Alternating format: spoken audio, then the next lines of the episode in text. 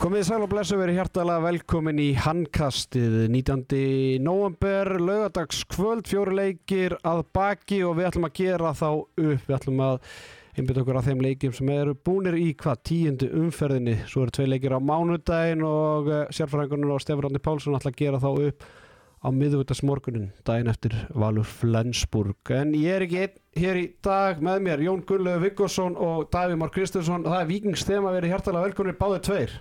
Þakka þér fyrir. Já, takk hérlega fyrir það. Bara gaman að sjá okkur drengir, eh, við ætlum að ræða heimsmálið, við ætlum að ræða þessa leiki og miklu meira til en áður en að því kemur þá heyrði ég í Patajó, þjálfara stjórnunar sem uh, þeir mættu uh, völsurum í gerðkvöldu, við ætlum að ræða þann leiku eftir en fyrst ætlum að heyra í Patajó. Velkomin á línuna Patrikur Jóhannesson, það er ekki hver sem er sem tekur upp fónin þegar að handkastir hingi daginn eftir tableik en, en herramenn eins og Patrikur Jóhannesson, það er ekki spurning, hvernig er, er heilsan? Herðu, sælir, takk fyrir það. Jú, jú, heilsan er bara ágætt maður. Ég hérna, var mættu strax í morgun klukkan 7 að undirbúa morgunverð fyrir uh, káalið sem var að uh, Jónni mættu með káalið sjöndaflokk í DM-höllina og Svo ég hafði lítinn tíma til þess að svekja mig, svo hérna, við vorum með mót í dag í sjöndaflökki kalla, gekk hrikalega vel, svo hérna, það verður maður bara að halda áfram og fyrst þú ringir þá, þá svarar maður. það er stutt á milli í þessu? Mm, já, já, það er það. Ef, ef við tölum með leikin í gæðir þá, þá þeir sem sáu hann að hérna, við vorum flottir í fyrirháleik og, og, og skorum 90 mörg á móti val sem er bara nokkuð gott en En það sem gerist í setni hálik er, er bara ekki nægilega gott að skora bara tíu mörg og, og þar fer Bjöggi svolítið með okkur og, og líka við bara, við verðum svolítið hægir. Já, ná, eins og segi, eins og ég var að tala upp á hann, ég er bara ekki búin að hafa tíma til þess að kíkja á leikin en, en það er svona í minningunni að við vorum flottir í fyrir en, en slagir í setni. Mm -hmm. Já, ég held að það sé bara hárið, ég horfði á leikin mm. einmitt í hátteginu og, og hérna þú veist, uh, Björgur Pál auðvitað, ver og ver og því skorið mm. bara hefði að fá, fá mörg í, í Mm. hérna setniháleika en, en ymmit, þú veist viltu að við greinum þetta, viltu einhvern veginn hjálpa okkur að greina þetta, þú veist, hvað gerist? Það er mikið kent hjá okkur bara í Mm. síðustu leikum, bæða mútið Káa IR og núna valsleikunum frábæleikum mútið Selfossi umfyrir undan.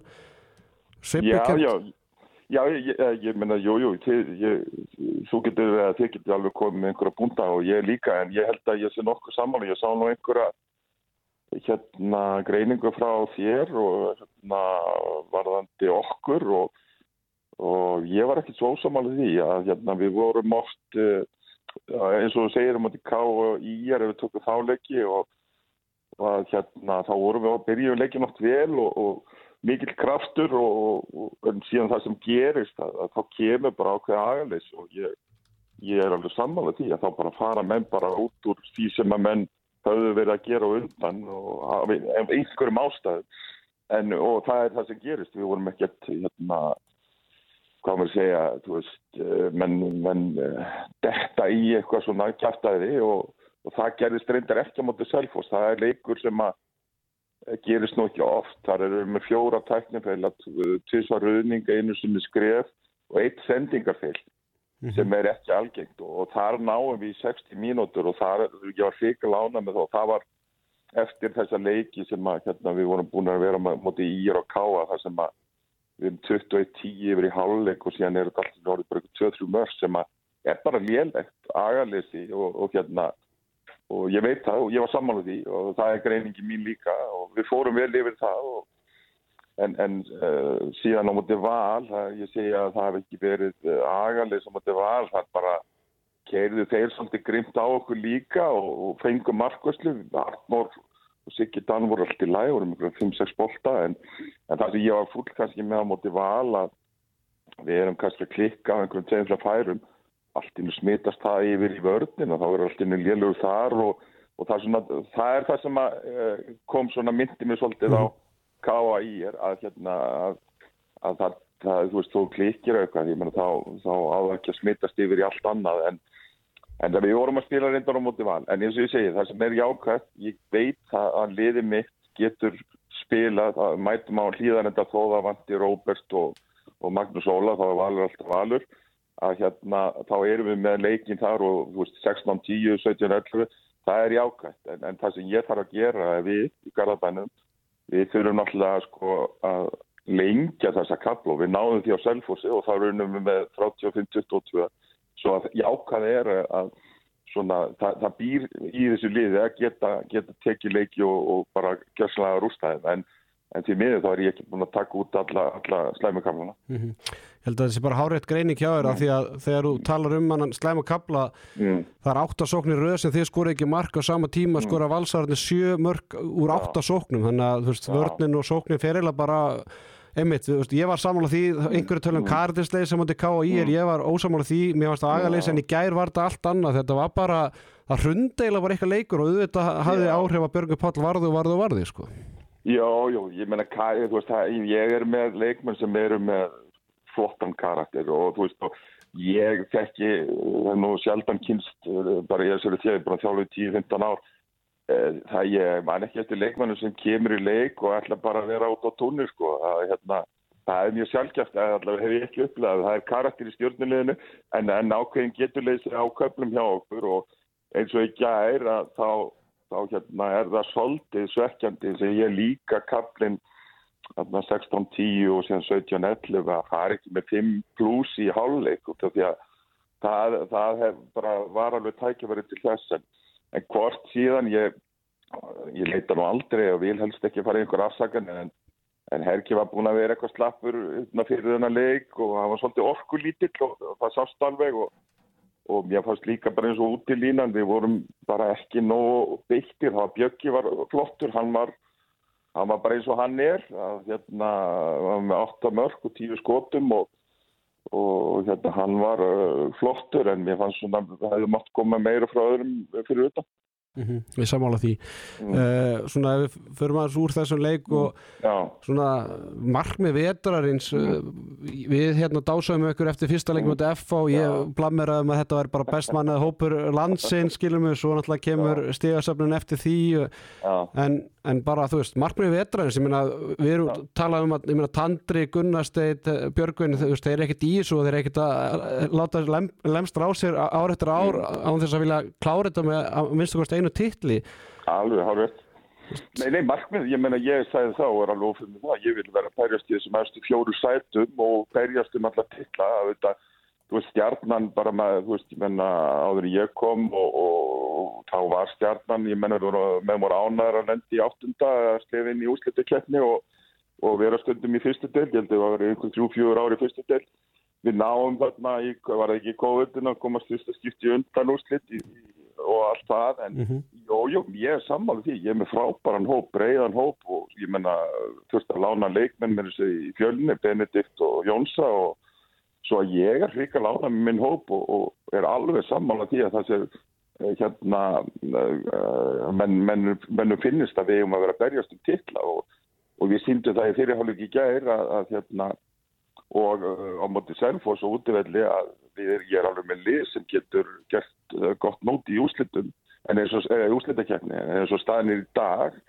þá erum við bara ekki nóga stabilir en það er eitthvað sem að sem að ég hef tíma og að vinna og, og hérna ég held líka að verða að sjá ég er komin með Herger nýjan í nýta, Arnar Freyrir nýr Pétur átnið þannig sem nýr eh, þú veist, ég menna hann eh, Hafþór var að spila meira sem var í fyrra svo að Svo það tekur bara tím, tíma að púsla þessu saman en, en ég vil að það gerist bara fljótt.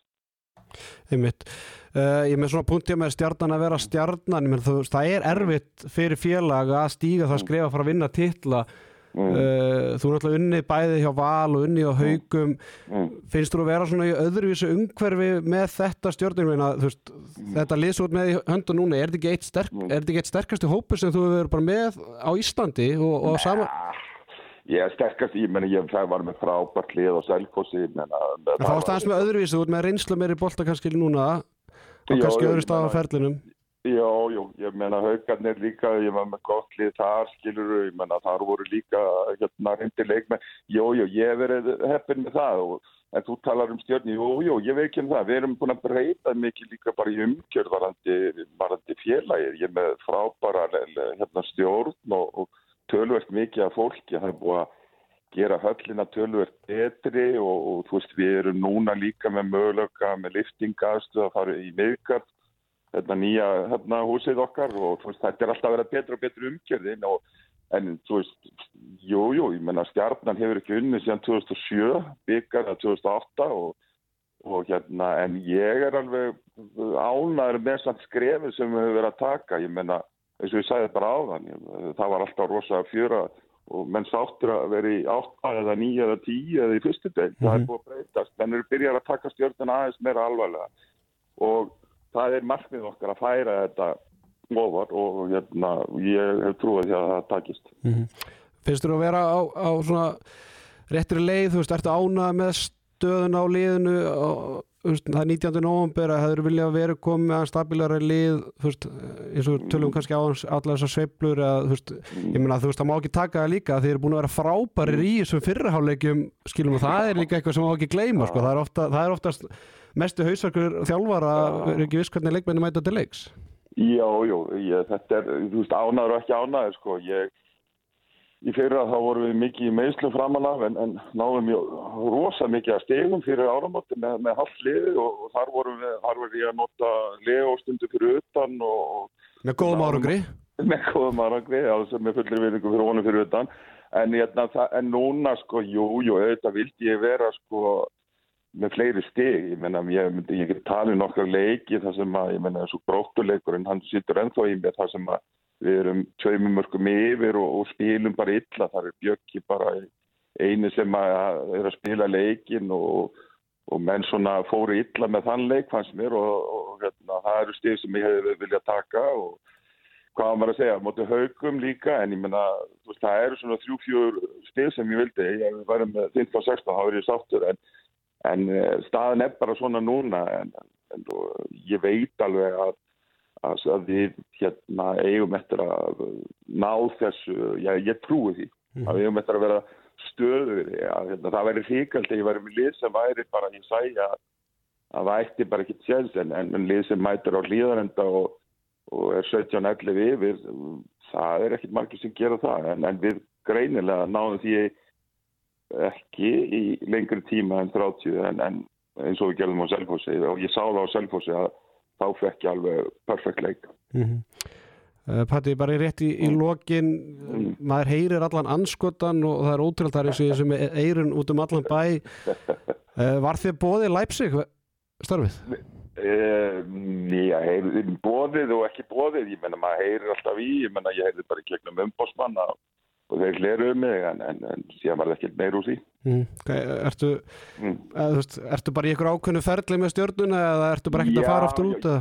Nei, nei, eins og staðin í dag ég er bara stánaði, bönnin er ánað á Íslandi og, og hérna eh, eins og það var hjá mér skiljum, en ég ætlaði að fara því ég borði allir til skærn, þá var alltaf planið að fjölskyldana svona kæmi og, og þú veist, en síðan bara var það ekki alveg að gera sig eins og góðu klubur og skærnir þá, þá var það kannski endurlega staðinu fyrir fjölskyldina að, að flytja og, og þá leti ég bara svolítið á hold að, að hérna, ég fæ öðru kóru svona fyrirspurnir og, og hérna Tískaland, jújú, en, en eins og staðinir í dag þá, þá er ég ekkert að stökka frá heldur stjórninu, mér, mér líður vel í það eins og staðinir í, dag og, og hérna, en eh, maður veit aldrei hvað gerist setna að hérna, þetta kýtlar að hérna, þjálfa í, í búndislíkun og, og, og ég er ungur, ég er bara 50 það er næður tími.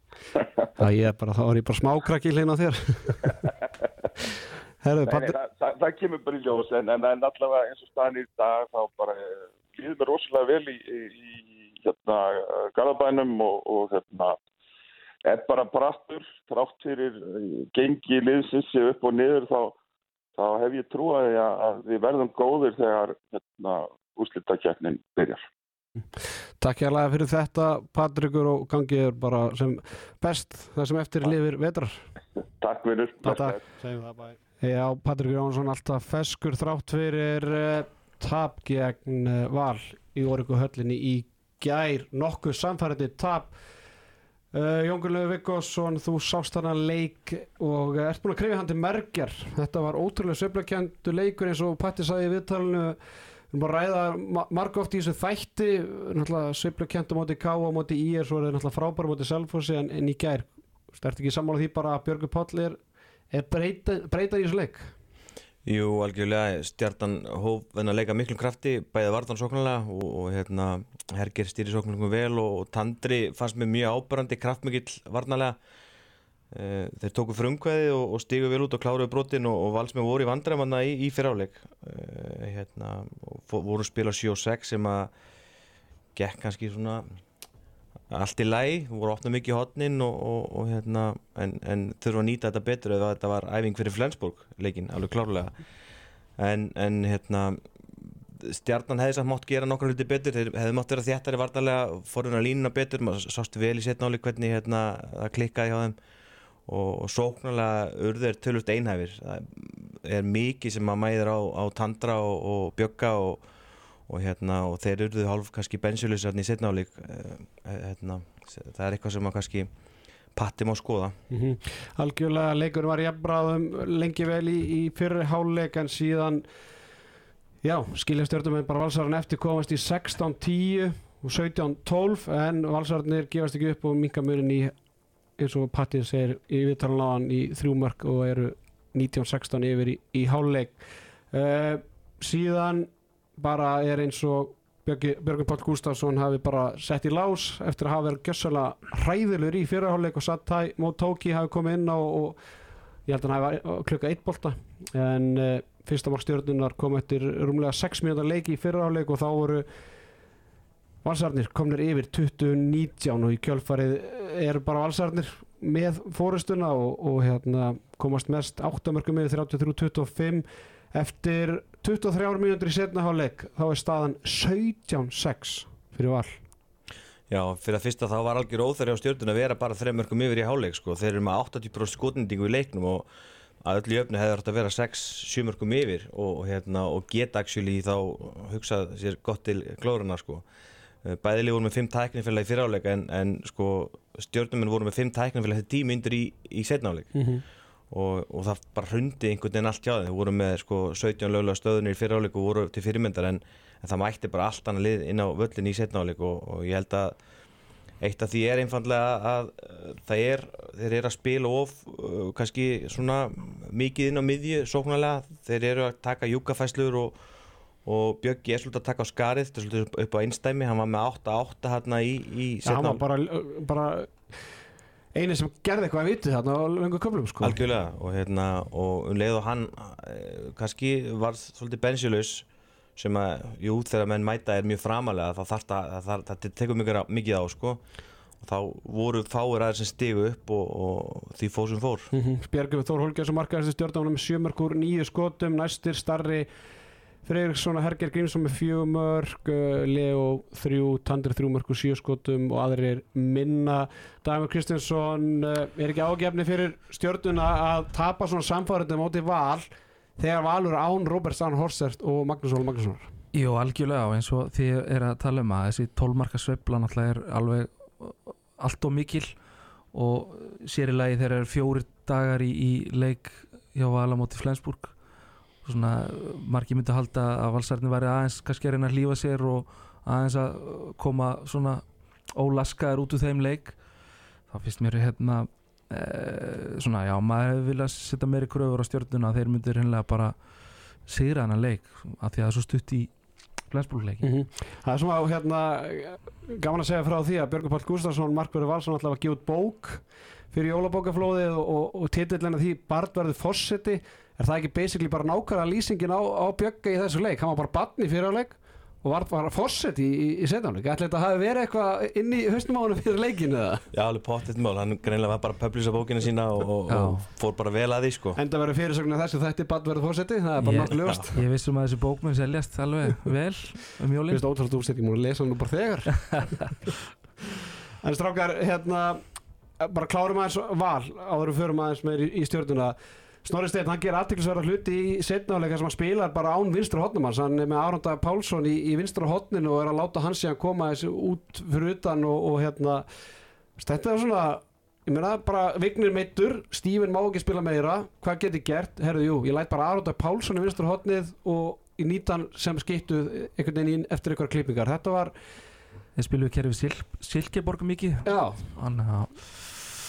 Já, þetta er aðtilsvert Já, ég samt með meðsli á val, þeir eru bara með breiðan og góðan hóp og er að spila hana kraftbolta, kera mikið upp og eru mikið í, í að kera breytt og, og í klippingum og boltalisa hreyfingar og, og ég sé ekki skipta máli þó einna 20 mittir hjá þeim sko, ég hérna þú náttúrulega uh, fórst að væla hérna með að tryggja þetta að spila meira sko og hann, hann hérna startaði þennan leik þegar þeir spilu og spilu svo 6 og 6 þá var hann að spila mikið inn á. Önnur mest lesna fréttin á vísi síðustu viku 37.000 lesningar. Það var eins og einhvers að þetta væri mest í stormur í vasklasi sem að hann hefði bara heilt um. Það var líka einskot í tókinn á þessu tíambóti því að þessi umræða var bara döið bara döið núna Já, sko, þú kviktir aðeins í þessu og hérna fegst uh, fólk til aðeins að svona að gefa þessu- betri ég fekk alltaf fúsa til að hérna, íta á liklaborðið þannig að það það var markmiðinu náð. Ég reyndar alveg saman, sko, hann tekur trygg út á og lætur Arondók spila þegar þeir eru að spila 7-6 sem að ég skil alveg, hann kannski metur Arondók meira sem svona allega leikmann sem er kannski betur að velja slíkt, trygg við mikil skitta og, ég hugsa að Snorri sé bara að leitast eftir því að trygg við bæti sér kannski sem allega leikmann, bæði eh, samvinnu 2-2 með línu boltlusa hreyfingar, hann er og getur orðið alveg úrval skitta Þannig að hérna, ég skil svo sem alveg punktin að, að, að hérna, kannski að bekkja hann aðeins og hann það kannski svolítið að, að sanna sig bara á æfingum og hérna, Hann þarf um þetta, það sem þú nefnir hann þarf um þetta að bæta sig í, í þeim efnum að samvinna tvekja manna og vinna með línu og hotnamanni og, já það er svolítið boltið sem hann snorrir að spila sko, þess vegna að telja að skipta ekkit máli þá þetta þessu mitti, það er mikið, þú veist, þeir að mæta miklum krafti breytt og í klippingar og, og stöðufæslur og, og, þegar allir er mjög rútinar inn í þetta hjá þeim, þannig að hérna svo náttúrulega Benni Óskars, það var bara hálfgeitt Benni að sjóða þarna líka á, á kabla í, þessum leik sko, Benni sko hann er að spila sem sé bara með 15 ára reynslu. Hann er um, alveg frábært flæði í gegnum hann á miðunni klippingar, slósningar, gegnumbrot, skoti, skrefi. Og stu, hann er ekki að reyna eitthvað sem er algjörlega gali, sko, hann er að spila bara á þeim, því levelið sem hann er góður á sko, hann er, er stabill leikmaður og, og þetta er leikmaður sem að sko getur verið algjör framtíð að stjarna í okkur? Mm -hmm, Algjörlega sammála því. Uh, Stana Magnús Óla, hann er eins og kripplingur í dag og ég ætla að vona að hann verði klár fyrir flensbúruleikin á þriðudaginn það var, ég hitt hann á, á hérna, já, förnum vegi í gær þar sem hann var svona hálfskakkur og sínda með mynda sér síðan í fyrradag og ég meni ég hef ekki séð skakkar um manni þú veist, það bara, önnur, hann bara all, hallaðist til hægri sko. Hún hefur verið alltaf tjastla saman fyrir er klárt. Það er ekki, það er ekki spurning uh, er eitthvað svona meira sem þið viljið ræða um þennan leik uh, Jóngulegur, ég var að spyrja Davíð ég meina hlýtur að vera áðurkjafni fyrir stjórnuna veri ekki nær val en þetta 19. november og valur án Robba og Magga Já, ég myndi kannski vilja nefna eh, eins og ég sagði með, með sóknleikin á, á stjórninni að hérna kannski þeir eru með tvo örfund á bekknum sem kannski spilu lítið Tandri var mikið hægra megin og flæði verði mjög heft sko Tandri var aftur frábæra fyrstu tíu í fyrirháleik og frábæra fyrstu tíu í setna áleik þannig sé sko var með fjögur mörg úr þessum tíma og svo sloknum svolítið á honum. Uh, það hefði kannski mátt færa hann aðeins til og, og fá gefa bitri eða, eða hérna, alla aðeins bitri tíma, um, tímin á vellinu sko.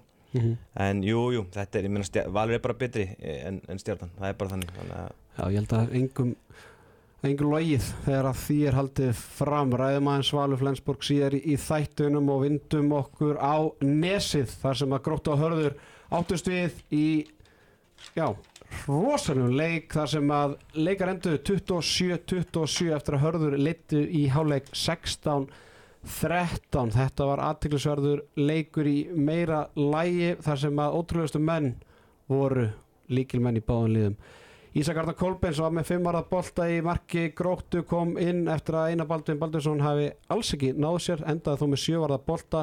Jakob Ingi Stefánsson hann heldur upptekun hætti með 6 mörg og 6 skotum og Akimasa Abe og Þorgi Bjarki Davísson næstir með 4 mörg hjá herði Emanuel Evangelista með fimmarað bolta og Roland Levet Devs með 2 alls náður sér alls ekki á strik. Markaðustur hjá herði gróttumæðurinn Óli Björn Viljónsson dagimor Já, það er hérna svona gaman að sjá það. Óli náttúrulega uppalinn á nesinu og, og hérna spilaði síðan aðeins með K.R. og, og þrótti í fyrstdeldinni fluttist, uh, eða flutti vestur hvað, 2016-17 eitthvað sluðis, kynntist þar konu vestur- góðri. konu góðri. Og settist bara þarna að. Þannig að það er bara flott að hann sé að standa sig, hann er náttúrulega líka örgulega döluður svona í allri vinnu og umgjörði kringu liðið og er hérna að hýsa náttúrulega bara hálft liðið. Já, já, þannig að bara er mikill félagsmaður Já. hann Óli herru, hérna Dæði, þú náttúrulega hefur tengingar til Ísafjörðar, þú náttúrulega þjálfaðar, ég hörði það á sínum tíma. Já, ég bjó hérna eitt vetur veturinn 2015-16 og þú skilaði nú nokkru leikmur upp um meisturökinu eða ekki? Nei, við vorum tveir að þjálfa þarna þennan vetur, ég og Gretar Eiríksson uh, strákur sem eru uppalinn í fjölni. Þá vorum við að þjálfa Daniel uh, Adilai Adilai Þráinn Arnaldsson það var hérna Áskir og línunni Jón Ómar var hérna Vistur Hotna var þessu kom inn á hann hérna? Elias Ari, já, Já, Elias Ari Þannig að hérna hefur þú spurt mig hérna á sín tíma sérðu þess að stráka fara í ólistildina þá hef ég vendalega svara neitandi en, en bara mjög ánægilegt að þeir séu að spreita sig með herði í þessu uppbyggingu þeim. veit að dabba Chris skólinu eða? Nei, ég myndi nú ekki segja það ég, Við vorum tveir að þjálfa þarna og ég var nú bara eitt vetur Þetta var bara duðlega strákar sem að hafðu mikið áhuga og, og hérna Takk þetta til þín Davíð. Ha, Nei, nei, ekkert svo leið Það var fínt að vera fyrir vestan, það var fín tilbyrðing og kynntist þar fullt af góðu fólki og Förum við það síðar í engalífinu með Stefán Ótnar Pálssinni en harðamenn þeir, þeir eru enn, eða voru án stiga fyrir leikin og, og leittu leikin bara lungan af leiknum. Uh, en það er ekki fyrir í, í setnáleik þegar Birgisteinn Jónsson kemur inn á fyrir grótu, hann er alltaf búin að vera handabrótin, losna á gifsunni í síðustu viku var tvísinn hvort hann geti verið með en uh, Jóngulur, ég meina Robby var bara hann gati ekki annað en bara láta hann inn á og, og ég segi bara ég hef látið Birgisteinn enda alla sóknir grótu í setnáleik Já, algjörlega, ég held að hann bara skotið hvað fimm sinum í leiknum eitthvað slíkt en, en hérna, þetta er algjör burðar ás ekki bara skotmar heldur heilst eftir leikmar, bæði vartan og sóknarlega. Hann er með einhver, einhver, einhver nýju stóðsendingar í, í kvöld og hérna skilaði sínu hlutur ekki mjög vel eftir að vera stíu upp á meðslum og fyrir utan það, þetta er náttúrulega leikmar sem að sko öll lið sem mæta gróttu leggja mikla áherslu á að stoppa eins og við náttúrulega kynntust í fyrra og, og þráttur það þá hefur hann verið að blósta þessu leikmar og þá kannski sína hversu langt hann er komin komið þessi úslega þeirra óvart nei, þetta, fara að snúti það hvaða liði fyrsta liði sem tapar stíi að stíum móti herði sko, þeir hafa enga tapa það er bara, eh, kannski mikilvægast hjá herði er að það fer ekki undan þessu. Þeir fara ekki að tapa öllum leikjum með 12-14 mörgum, 15 mörgum sko. Eh, það er ánægilegt að sjá að þeir eru að gefa fjölmörgum liðum leik. Það er að fyrsta sko og í þessum leik þá, þá hefur þeir átt tösti skilin að mínum andi Hvað hérna, þú náttúrulega, Jón Kvölu Vikursson þjálfari Víkings og náttúrulega varst að þjálfa Víkingan í jólistildinni í fyrra þú getur gefið hlustundum aðeins svona insýnið það hvað er að eiga sér stað í undirbúningi í harða fyrir hvernig einasta leik þar sem að það bara liðin er ekki að ná í stíg og það, þú þú þart þetta snýst ekkit endilega núna bara leikir hérna anstæðingin þetta snýst núna bara miklu meira um sálrænt og, og kveikja í mannskatum auðvitað kannski erfitt að líka þessu saman harðarliðinu og vikingsliðinu auðvitað harðamenn bara með 12-13 útlendinga en veist, þetta er allt keppnismenn sem vilja vinna. Þú veist, hversu erfitt er þetta leika eftir leika eftir leika að sækja sína fyrstu sigra fyrstu stig? Þetta verður mjög íþingjandi, þú náttúrulega ferð uh, svolítið kokki inn í tímabili bara já við getum auðvitað erum með góð gerfi og góða leikmenn og allt það sko og svo bara reykur það vegg eftir vegg eftir vegg og þú kannski ert inn í eins og við í fyrra við, við vorum inn í einhvern 13 leikjum skilur við og, og hérna við vinnum háka og gerum jættöfli afturhaldíku og rest var tap, einu, tveimu, þreimu, fimmörkum eða hvernig það var, alltaf þessar senustu 5-6 mínútur sem voru að klikka í okkur og, og hérna kannski það sem að er mikilvægast í þessu eins og fyrir harðamenn og að það sé, sé gaman sko, að það sé skemmtilegt að mæta á æfingar þetta verði ekki þannig að þú nennir ekki að mæta eða mögulega að dansa tango af og til einhvern spænskan. Já, það er meina, þetta eru alltaf atvinnumenni og herði mest allt hann að þeir bara hafa ekkert annað val. Þeir fá vel borgað og, þeir þurfa bara að mæta í vinnuna. Nei, ég líklega ekkert annað að gera þarna fyrir vestan að mæta bara á æfingu sko, skilur en, en, hérna, en þetta verður erfitt og er íþingjandi en, en þannig þetta stig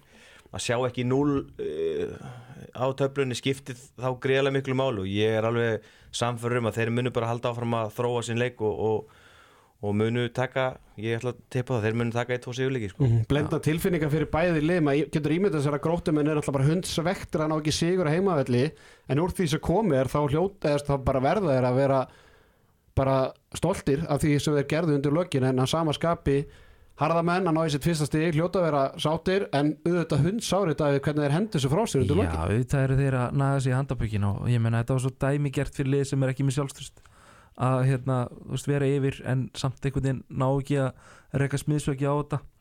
Og hérna, en þeir eru allan að konu með eitt punkt og, og þeir eru bara byggja óna svo þeir hafa verið að bæta sig undanförnu og, og eiga inni örfættuskiptuna Gundis Gundi Spilbugs Já, og hérna þeir þurfa bara að halda áfram og með heimaleikinu hjá þeim þá bara halda áfram að fá góða mætingu í húsið og stemmingu og, og, og bara já eins og Gulli segir bara svona ekki, ekki tapa trúni og, og ekki já bara finna gleðina. Mm bara fyrir þá sem að sá ekki leikin þá eh, leiða harðamenn með tveimur mörgum þegar að inna við já það er mínútt eftir þegar Róbert Gunnarsson tekur leikli og eru tveimur undir.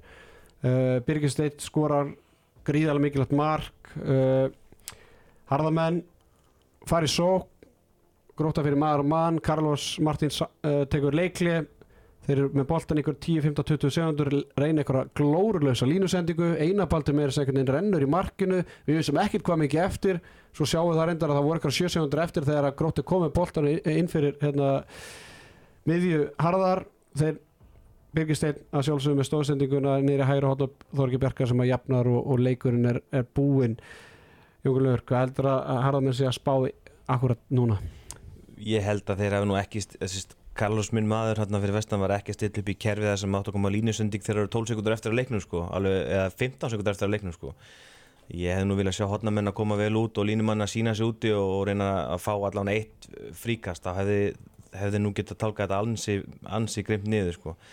Þannig að þeir, ég held að þeir ættu nú ekkert að svekja sig að þessar loka sókn freka kannski að þeir fengu fjögur, fimm færi sem stuði fjóra minnar á að skora mm -hmm. og það sem að sko Svo Guri Hikafa klikka döðafæri Viktor á línunni, það sem Ísak Arda Kolbins bara lokar Já, Ísak kom bara mjög vel inn í þetta Já, sko. frábæra einkom með honum Já, já, tók hérna nokkur, nokkur bara gríðarlega mikilvæg mikilvæg vörslu sem að hérna það er eitthvað frekka sem þeir ætti að hugsa út í sko, vera bara með kaldan haus í svona, á svona tímum sko. Já, ég er bara viljað sjá einhvern bara dripplas í gegnum þetta og, og hérna, þú veist að því að gróttuminu voru ekki fara að brjóta á viðkomandi þannig að staðan fyrir að reyna að nóða eitthvað inn á línu en það er auðvelt að segja svona í einhverju stúdíu sko. Ég hef reynda að vilja drippla sem minnst það er mitt svona, í svona mómentum sko. frekka að fá mennin út og, og reyna eins og ég segi fá eitt aukast en, en þeir kannski, já, voru sjálfins í vestur lókkaplunum, það er kannski bara þannig. Mm -hmm. Harðamenn er aðtiklisvert uh, prógram framöndan, þeir eru búin með hérna, ferð, ferðarlegin á þessu ári. Þeir eru að þrjá heimaleiki fram á jólum. Það er Valur, Haukar, IBF Þetta er kannski ekki alveg prógram sem þú vildir eftir fyrsta stíð Það er svolítið þungavektar program, hvað ég haf sagt. Já, hvað Jónglu, eru er kannski bara alveg til að fá bara valsaðan í þessu program sem þeir eru í og, og bara fuck it. Já, já, ég menna, þessi ferðalög sko, sjú tíma rútuferð þau eru ekkert að fara að taka, liðin ekkert að fara að taka flug núna sko, þannig að hérna, þetta er, þetta er allt annað leikur fyrir hörða að spila á Ísafjörði en að spila á útifelli sko, þannig að Akkur ekki, akkur ekki að taka stíð þessum leik mm -hmm. þessum leiku sem framöndan eru hjá þeim. Já, algjörlega. Uh, eh, Gróttilegir aðeins það eins uh, auðvitað Lúi Gardner Torberg Arkelsson lendi í, já, fekk höfuhögg í síðasta leik og þetta sögum nokkur spór og, og var ekki með í þessum leik. Við tölum um það að Birgir Steinn hafi komið inn á í í setnaháleik og hafi bara verið allt í öllum ykkur áttastóðsendingar og, og, og tvö mörg uh, uppstillingin á byrjarliði Gróttu var Thijs Kokk, Sönnegard, Elvar Rótri Hjalmarsson og Ari Pétur Eiríksson fyrirfram fyrir þetta tíðanbíl þá hefði maður ekki haldið að þetta væri line-upið sem að gróta myndi bjóða upp á í allættu umferðinni Jóngulur þetta er ekki, við vorum að tala um þungafettar program hjá herði, þetta er ekki þungafettar line-up hjá, hjá grótunni Nei, nei, það er eins og sé að vantar hann eitthvað inn hjá þeim sko og, og en, en... Griffin alltaf bara hverki eins og hann var fyrir crossbátaslitin, þú veist þetta er bara ekki sami leikmaðurinn Það þarf bara aðeins meiri tíma til að koma sér í gang og, og svona ná, ná fyrir styrk og, og formi Já, já, það er bara að talka á sér, það er ekki flokkun en það, það bara, hann, hann, er, hann getur verið gríðarlega mikilvægur og hann þarf bara að vera klári í, í úsleikeppnuna ef að gróta kemst þangað þar að segja mm -hmm. en það má líka nefna það, Jakob hefur komið gríðarlega vel inn í það Þetta er ekki bara eitt besti vinstur ótamæri deildinni? Já, ég meina við fórum sko, vikingar, vikingar mestur og kalla hvenna fórum í æfingarferð á tenni núna og hann var með það líka í æfingarferð í engabúðum sjálfur, þannig að ég held að það hefði skilað honum gríðalega vel og hann er að mæta vel undirbúið núna hérna til leiks. Það vil að meina? Að æfingabúðunar í honum hafa gengið betur hjá vikingi Já, það er greinlega þannig sko. Hann er bara ólsegur hóttamæður Já, hann er standið gríðalega vel. Já, gróta með 60 eh, eftir sjö leiki. Ég nefndi að það er síðast að þætti þetta er bara svipur stegarsöfnum fyrir ári síðan. Uh, þeir eiga haugana á miðugutæðin ræðin haugana á eftir. Hvernig sjáu þið svona já, þú veist, þetta er náttúrulega bara þetta er sjokk fyrir gróttu það er sjokk að vera fyrsta liði saman hvort að gróta eða fram eða í er eða valur eða hvað fyrsta liði til að tapa stífum á móti herði veist það er stutt í næsta leik. Hvernig haldið þið svona gróttumenni mæti hann haukarleika á miður það verður náttúrulega mjög erfitt að mæta haukonum eftir að haugarnir skelltu í BVF með 11 mörgum og eru með svona fengur byrjundu báða vangi með þeim sigri og með blúsandi sjálfströst þannig að hérna ég held að það væri nú svona tiltölulega þægilegur haugasigur spá ég en hvað veit maður? Ég held að sko ef að, ef að hérna, Róbert klippir varnarleik haugana til þar sem að hann sýnir þeirra grimd sko að þá held ég að Gróta geti mætt og, og gert þetta að einhverjum alveg leik. Og ég myndi vilja fá allan að sjá tölu eftir tvei myndi með þeim leik sko. Mm -hmm. þá getur verið, verið í séns. Ræðum aðeins þess að tvær mínútur hjá haugunum á, á eftir en ég held við segjum bara skilu við þennan leik. Við bara óskum herði harðverjum til hæmingju með eh, fyrsta stíði, það viltu segja eitthvað skilabóti Carlos á spænsku? Nei, ég læt það alveg ógert. Gulli, hvernig ert þú í spænskunni? Muy bien, hablo un poco español. Carlos, muy bien. Vel gert, vel gert Gulli, mjög vel gert. Góður, herðu, vindum okkur í ferðarlag í sumabústaðinn í Úlfarsárdal þar sem að framarðir mættu Káa, Káa fengið das af gaggrinni hér í handkastinu. Og engin ástæða heldur fyrir einhver öðru en þeir mættu heldur betuðu leiks og þeir innbyrtu sigur 31-30 eftir að hafa leitt með einu marki í háleik 15-14 strákar ég ætla að vikja það. Þessi úslit komir óvart. Dæma Kristinsson, káamæður í húð og hár. Þú er bara þú er með ég- kampavinni hérna bara í stúdíónu Ekki alveg, ekki alveg svo. Já, ég nú tek undir það sem þú, þú segir að hérna, þetta komið mjög óvart af, af því að K.A. hann ofta ekkit verið sérstaklega góður út í öllum. Og það var bara svona jafnbræði í byrjun leiks og mér fannst þetta bara að vera svona tvö áþekk lið.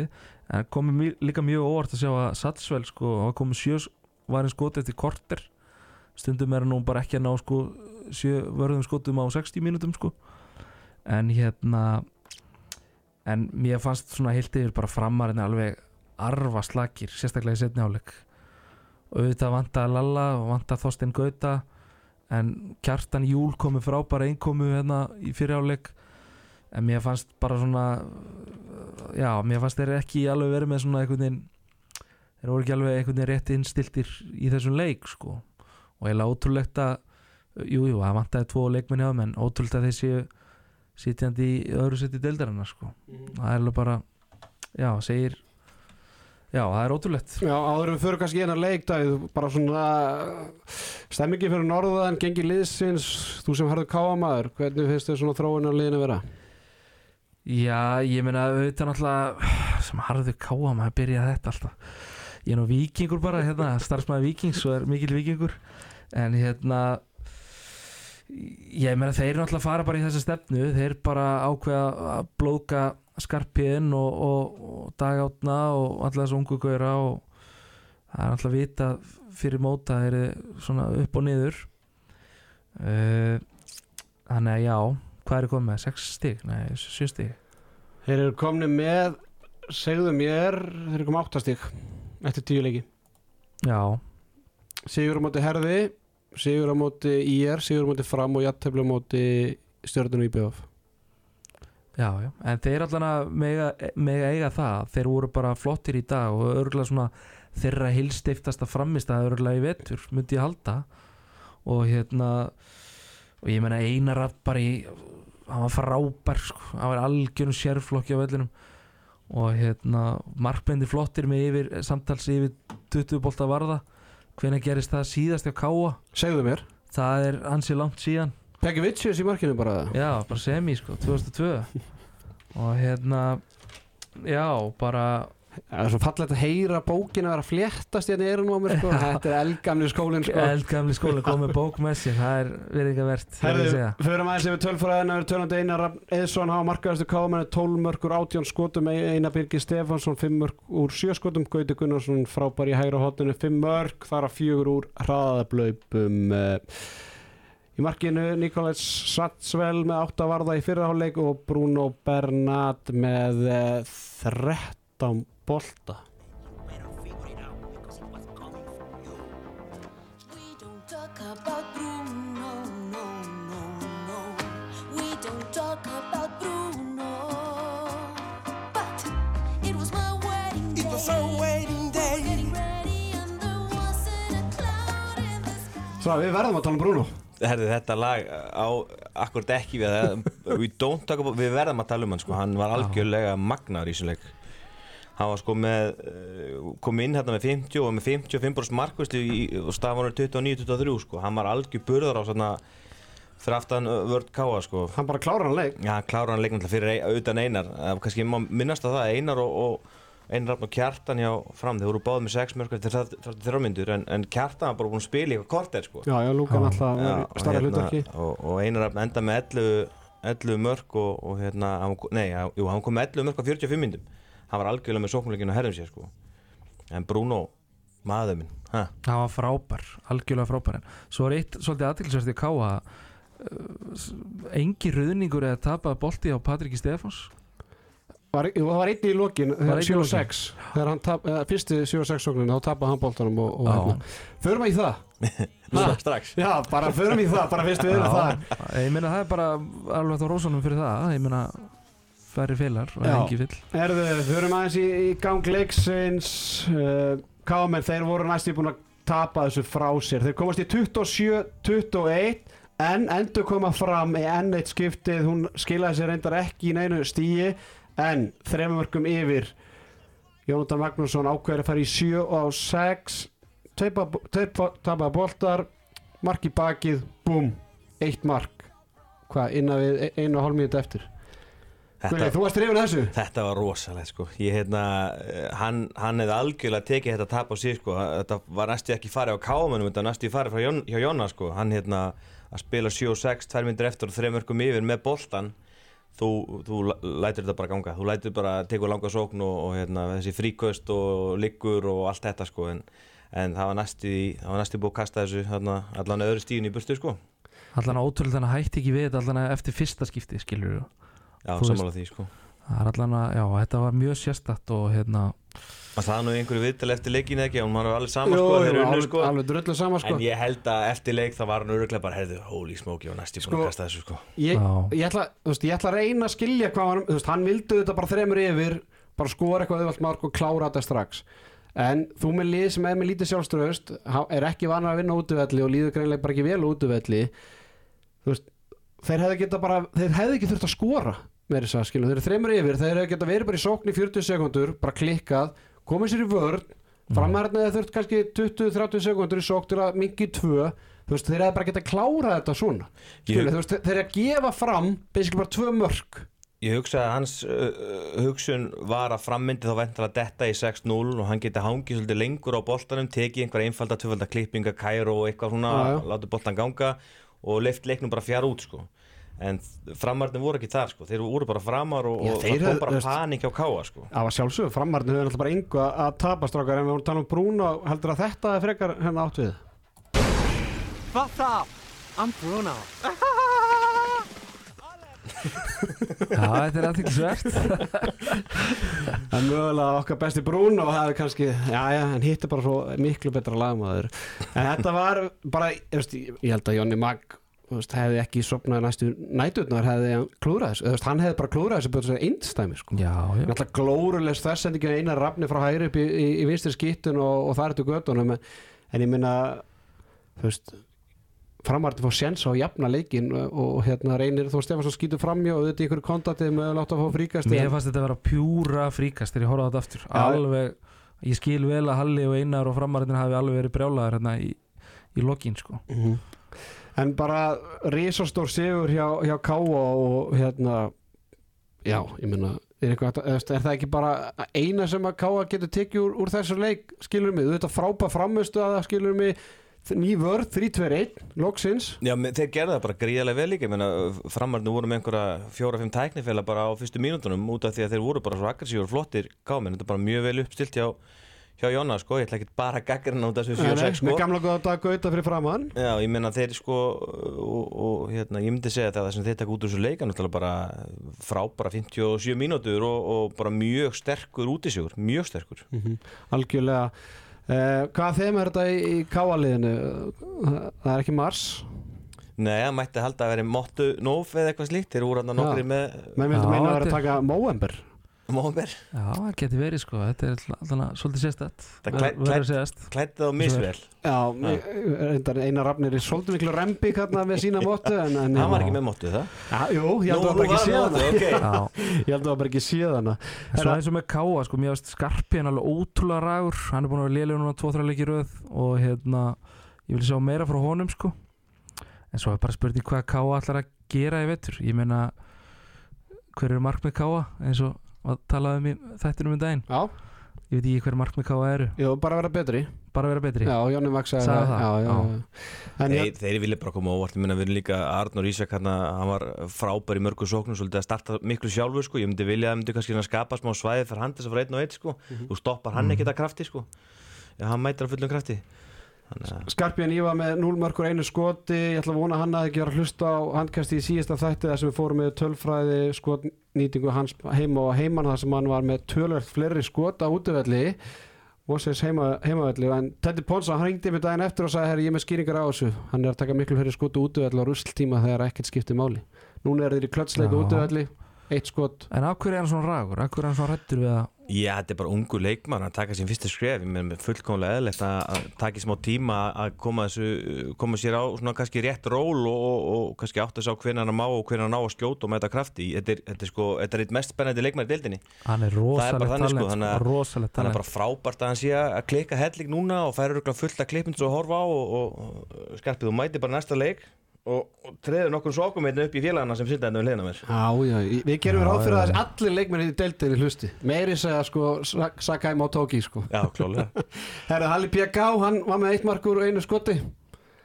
Já, Haraldur Bolli á Já, línunni. Já, Halli PK það var vel klára hjá honum en já, þetta var, þetta var já, að miklu harfylgi að miklu harfylgi ánægilegt að sjá hann uh, myndum okkur í, í framarna sem þeir voru án uh, Lalla í markinu hann að glíma um ennin meðslin og Arnum Máni Daðarsson stóð vaktina í markinu lungan á leiknum með 27%, varða, eh, 27 markvæslu, nýju varða.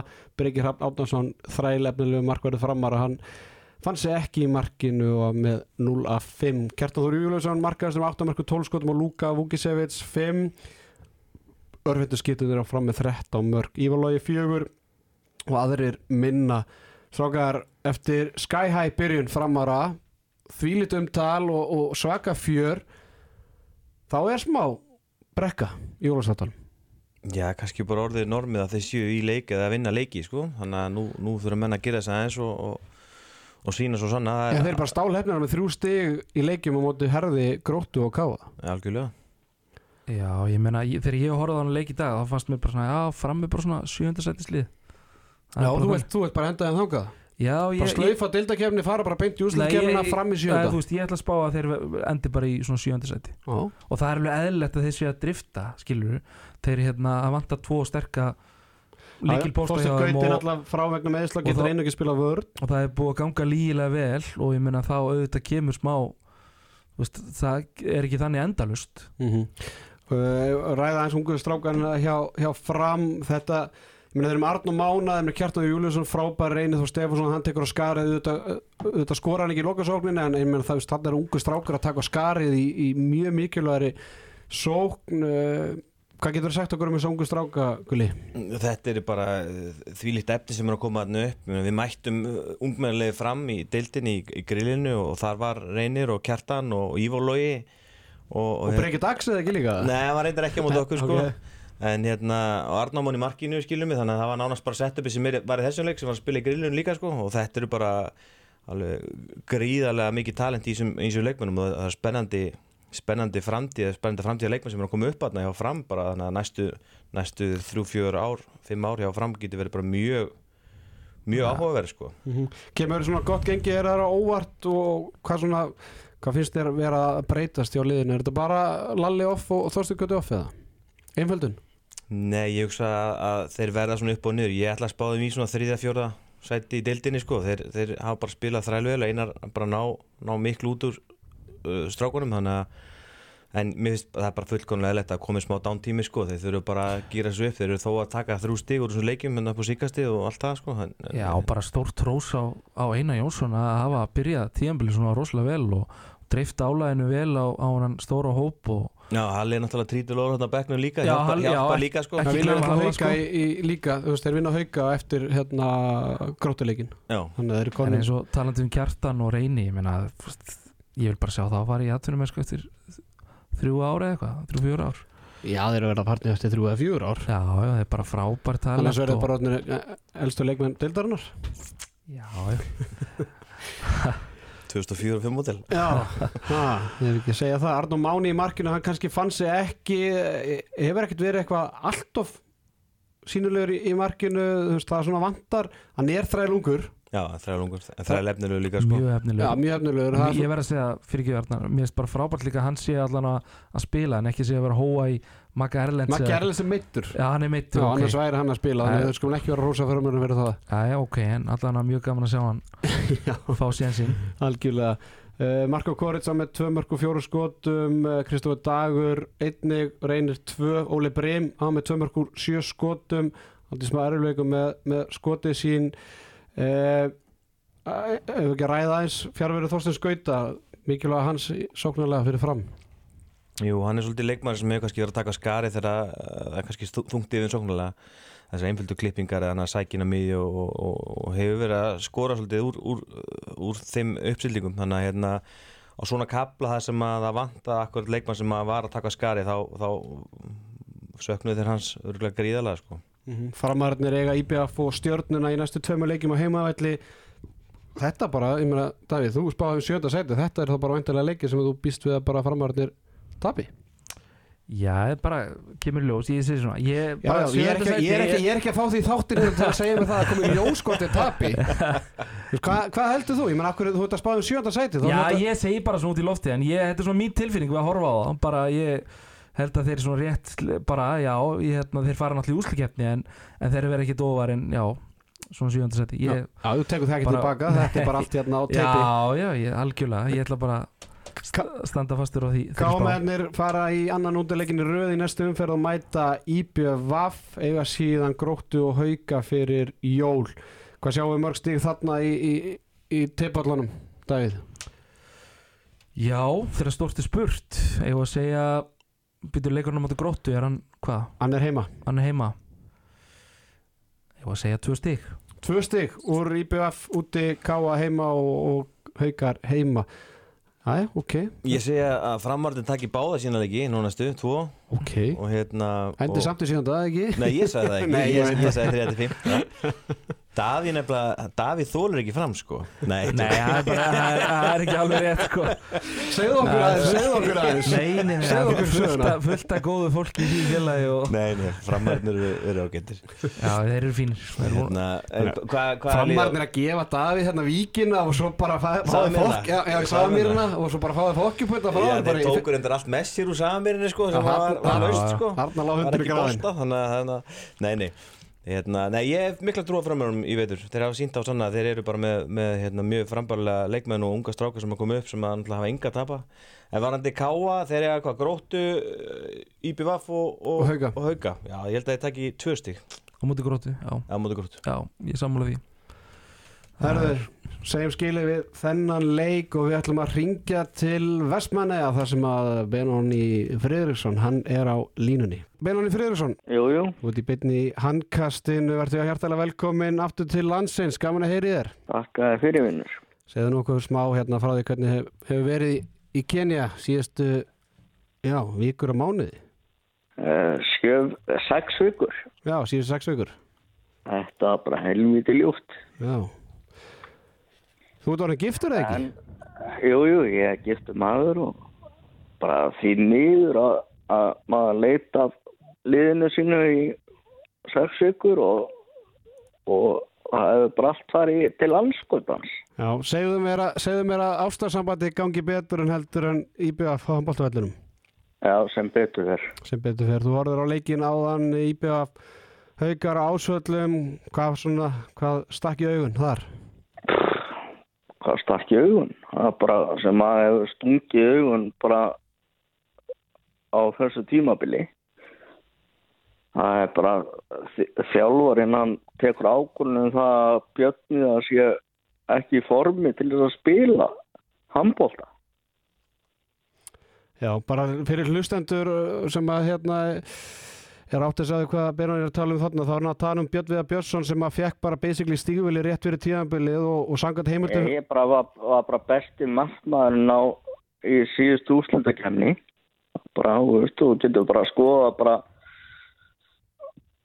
allt þú veist, veist tölfræðina. statistikina, En af hverju, af hverju hætta hann eftir, af hverju hætta fyrir tíðanbilið? hann hætti ekkert. Hvað þá? Hann ætlaði að taka eitt tímabil í viðbót Og hvað og breytist? Ellingur bara sparkaði raskandi á hann Bara á miður æfingu eða? nei, nei, bara, þú veist, fyrir tímabili hann bara var ekki nógu fyrt fyrir Elling Ok Já, ég meina það, það lítur að hafa Já, við erum vont fyrir Erling í, í dag þegar Petar Jókonovits ver valla on, sko. Það er bara, veist, þetta var besti markmann í úrslutikefninu fyrir það. Hann hefur ekki verið í formi í 30 ár. Og, veist, come on, þetta er bara hinska. Mhm, Petar Jókonovits var með 6 ára bolta í þessu leik Jóhannes Esra Ingólfsson tvítuði markverður Eyjamanna, hann var í erfileikum byrjun í, ég held að þú hefur náða klukka fleiri bolta en hann í þessu leik Mögulega, þú veist, eh, jú, þetta er efninu og strák og allt það. En, þú veist, þú verður bara leifunum að spila í öluðinu og, þú veist, leifa mannum að þróast sem leikmanni, þú veist, 20 ára handbólta markmaður, það er ekki aldur, sko. Eitthvað fleira sem að stakki augun já, bara í þessu leik og í síðustu leikum hjá, hjá IBF Ég bara minnst, ég er bara ákjæslega lélir, bara því miður. Og veist, það er ægin í vördinni er hörmung. Þú veist, við hefum mótt verið með helviti góða vörd, en það er ekki til í dag. Mhm, Þú veit að tala um baráttuna og, og svona stemmingun eiga geðveikina Ég, ég er bara, veist, drullaðir í gang. Þú ert að spila fyrir IBF og bara drullaðir í gang.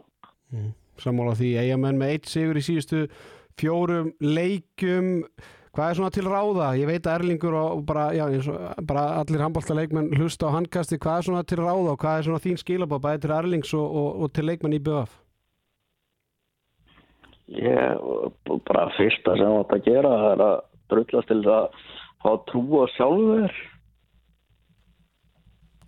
Já, það er ágætt spyrun þú veist, og aðeins að spila með hjartan og veist, gera þetta bara á fullum kraft við fáum, fáum eitt leikmann við missum einn af okkar bestu leikmannum og veist, það er ekkert plan B Hvað er svona, hver- er, hver er þín skoðun á því að hafa lána Sigtrygg Daða Rúnarsson til uh, Austuríkis á miður tíðanbili? mér finnst það bara ótrúlega heimst Hefur fengið ykkur skýringar á því? Nei, veist, bara, veist, við erum að reyna að berjast við, þú veist, við setjum okkur þannig að við erum að berjast við val, en við getum ekki unni káa, við getum ekki unni selfoss, við getum ekki unni afturöldingu. Mm Við skítöpum fyrir haugum. Já, með 11 mörg Þetta er bara, veist, þetta er bara, veist, við höfum ekki unni titil síðan að Greta Þóra Eithvarsson hætti að spila handbólta. Nei, ætlaði að sé eitthvað samansammerki á því? Nei, ég menna, þú að náttúrulega klúðri var þar bara að, að Róbert Aron Hóstedt var sagt upp samninga á, á fótboltaleik, sko. Býtur nú við hver er sagan á baku það? Það er ekki saga á bakvið það, það er bara Davíð Þór Óskarsson kom og, og sagði við Róbert Aron Hóstedt að hann væri bara ekki lengur velkomin í Ösmannum sko, Já, ok er- á, á fótboltaleik, sko. Manstu á hvaða leik það var eða? Það var einhver bort, bara áttu slagur á bíla. Já, sennilega uh, Rúna Kárásson, eh, hann er ykkar langbesti leikmaður á, á tíðanbölinu til þessa uh, hefur ágjör því að þið missi hann fyrir næsta tíðanböl Nei, engar af því. ykkar ágjör því, það er, það er bara gott Rúna Karlsson er toppmaður og hann er bara að aðlagast lífinu mjög vel í Vestmanni ég hef engar áhyggjur af henni sem hann Algjörlega. Næsti leikur eigamenna í Úlfarsordal gegn fram loka, eða einhver svona loka orð var, eða fyrir þann leik, hvernig spáru þeim leik Björnni? Ég er bara skítrættuð þennan leik. Já Ég, trú, eins og staðan er í dag, þá er ég bara skítrættuð þennan leik. Ég trúi því mæta vel. Benóni Friðriksson, það var gaman að heyri ég Takk hérlega fyrir að taka upp tólið og við sendum bara baráttu kveður til Vestmanneða Ekki máli vinnur. Takk, takk. Gaman að heyri ykkur. Sömulegis, heyrumst. Ströndu sem hægt er að finna í Kenya Hann er svartar en svartur í hjartanu bjartur en aldrei á enninu brennu því hann er frá Kenya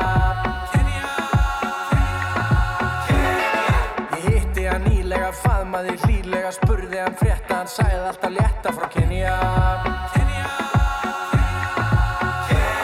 Hann á 11 sinni og mjög frá að vini og þegar ég spyr hann hvort hann vilji flytja frá Kenya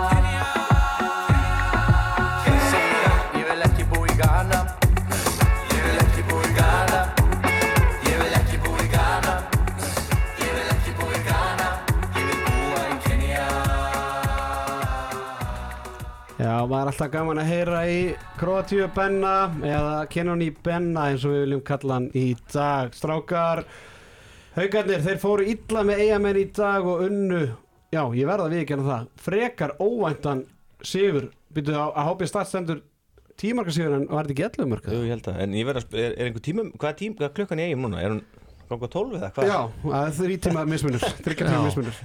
Ok, Þannig að það verður bara eins og, og það er en eins og ég segi alltaf gaman að heyra í Benna eitthvað svona sem að eins og ég sagði við hann eitthvað sem stakki eirun, eirun í þessu viðtali. Með, með þá Hauko í þegar Nei, bara sem að Benna var að tala um. Ég meina hann er ósáttur með það með Björn Viðar til dæmis og já, Já, sko ég, já, þetta er náttúrulega örgulega margir eigamenn sem að eh, finnst þetta skrítið að, að náttúrulega Bjössi er búin að standa sig vel og mikil félagsmaður og verið frábær svona í hóp og, og, og komið vel inn með góðar innkomur en, en Ellingur er bara þannig þjálfari hann vill svona spila ungum mönnum, vill þróa unga leikmenn og bæta þá og, og hérna, hann verður bara hann er þjálfarinn, hann ræði ferðinni og, og hérna, hann, hann stýrir, stýrir ferðinni. Þannig að hérna, já. Þinn 50 cent. Já, ég meina, eh, þeir hefðu líklega þegið að hafa hann með í þessum leika því að þannig að vantaði svolítið mikið upp á markvæsluna hjá, hjá teimi, markmannsteimi en það er vantalega eitthvað líka á bakvita kannski var Björn við bara til að koma tvisur í viku eða það bara hentaði ekki eitthvað slíkt við vitum það ekki sko. Jóhannes Estra er náttúrulega bara góð fólki komin og, og frábært að hann fái trösti þá mun líklega skila sig kannski næstu ár til eigamanna svo lengi sem hann flyttur ekki upp á land sko, strax sko, en, en hérna, það er líklega sem Erlingur er að hugsa að gefa honum frekar þessar mínútur og, og þróa hann kannski þannig að hann verður bara betri og betri og, og mun, mun skila sig kannski í að þurfa kannski ekki að kaupa markmann sko, En- við veitum það ekki. svo er alveg spurning hvort það eins og þessi umræði hefur verið að hvort að eigamenn kaupir hennilega markmann í janúar maður veit það ekki. En hérna, það verður áhort að sjá hvernig svona hvernig svo framvindu verður og hvort að, hvort að af því verði. Mm ég, spyr, ég spyr það bara á móti hvað anskotas markverður er að lausa í janúar sem ætti að hjálpa eigamennum sko. Þeir eru mjög fáir Björn þegar Legg allan að til að Svima Þraustur hafi ringt í hann og hann Beðin álits. Nei, hann tekin hérna Hann tekur Petar Jókan á að sjá einhverja nokkra aukaðhengar Ég get lofa því að Svima Þraustur er í toppstandi Hann er alltaf með tennisbóltana heima að drilla sko. Já, hann, Það er 100% Allir klart Herri Strákar, leikun var í jafnum fyrstu tíu mjöndunar En síðan skilja leiðir. Haukarnir komast í 8-4 til 12 mjöndar leik Og 11, í stöðin 11-5 Þá er Íbjáð búin að verja 1 polta uh, staðin 14.9 eftir 21 mínútu. Áfram er eigamenn bara með eitt varin polta staðin í hálfleik 18.11 við sáum lokatölur 39.28 yfirskriftin eittlið á vellinum. Eh, uh, eigamenn ándags Arnarssonan hafa maður ekki með í dag. Endalist að töpuðum boltum. Verði ekki töðru Gulli, hvað er það að byrja? Sko ég myndi segja sko þrátt verið að IBF hafi bara verið með eitt varið á þessum tíma þá voru haugarnir bara með þrjú varin sko. Mm -hmm. Munurinn á liðunum var allt annars stað, munurinn á liðunum var varnarlega haugarnir voru að spila mjög grimma 6-0 vörn og voru að mæta, mæta hátt og, og, og voru bara virkilega, virkilega aggressífir þeir voru með 17 lögulega stöðanir í, í, í, í fyriráleiku og 5 stólna bolta og þeir áttu, áttu þetta bara að skila því leitum til að, markmyndu voru að verja mikið báði megin en, en þeir eru samt sjömörkum yfir í háleik sko, og, og ástæðan er bara einfallega svo að eigamenn voru bara að taka mun erfæri skot og hérna og haugarnir gengur bara lægið sko. Já, þetta er náttúrulega bara algjör hauskúpuleikur hjá IBF og það er náttúrulega getur gæst í þeim eins og öllum öðrum liðum og það er nú kannski minnistætt fyrir árið síðan að, gróta unnu IBF með tíu mörgum Arða það er sætla minninga þú mannst vel eftir þeim leik vantala fyrir tæpla ári. Ég held upp á En- eins og samlega 28. november bara í næstu viku. En hérna IBF fór samt í finals í fyrra og ég spáði því bara hér og nú að þrátt fyrir að þessi aðeins svona að högta og, og, og svona smá brasaðum í deildinni og ég held að þú veist, eigamenn eru fyrst og fremst bara einhvern veginn svona síðar ára þeir eru bara úslitakeppnis lið sko. Þeirra stemmingi byrjar og, og svona einhvern veginn já. það, ég, Við höfum nú báð, báði búið eigum Arndæð og ég, ég, sko, þessi tími sem er núna november, desember, janúar, februar það er leðalega tímin í eigum sko. frábær punktur Já, ég meina, þú veist, herjólur gengur valla og veist, blaðið kemur ekki hérna og ekkert gjöt og ég veit ekki hvað, hvað sko, svo byrti til og það, það kveikir í öllu í eigum sko, það ver, þetta verður þeir, þeir geta fara allir leið sko, alveg klárlega. Þeir fara bóttið í finals mæta í Hérna, val sko. En þetta var slagur leikur. Spurning, menna, getur Ísak ekki spilað sókn? Hvað er, er hann bara stimplað varnamæður eða ónýtur aukslinni? Mjög hann er alltaf- ekki með góða öxl ég get alveg ekki um það en hann skoraði nú reyndar eitt mark eftir hérna hraðaplu upp og, og hérna en Já, þeir voru sko Þeir voru 25 myndur að koma sér í, í 5-1 vörn aftur í BVF og það er kannski eitthvað sem maður myndi að sjá aftur líka þessi, þessi IBVF vörn sem að Erlingur kom með og hann getur að hafa þróað hann eitthvað áfram. Með hérna Ísak jafnvel fyrir framann bara. Hann getur alveg notið sín þar. Já, já, og umræðan hefur náttúrulega snúist líka um það. Ég menna eigamenn er ekki að fara í úslita ef ég múti val í tvöfaldur vartarskipningu fyrir Róbert og Ísak inn sko, þannig að eitthvað þurfa þær að gera. Þannig að, en bara enn og aftur er eitthvað meira íbjöf heldur en að fara ásvelli miðan nóvumber og tapa á möti haugum 11 mörgum þetta er ekki haugar sko sem er í efstasæti þetta er haugalið sem valla hefur geta keift sér sigur í síðustu leikjum, vikum og mó- mánuðum. Veist, íbjöf þeir bara ber ekki að virðing fyrir deildinni sko.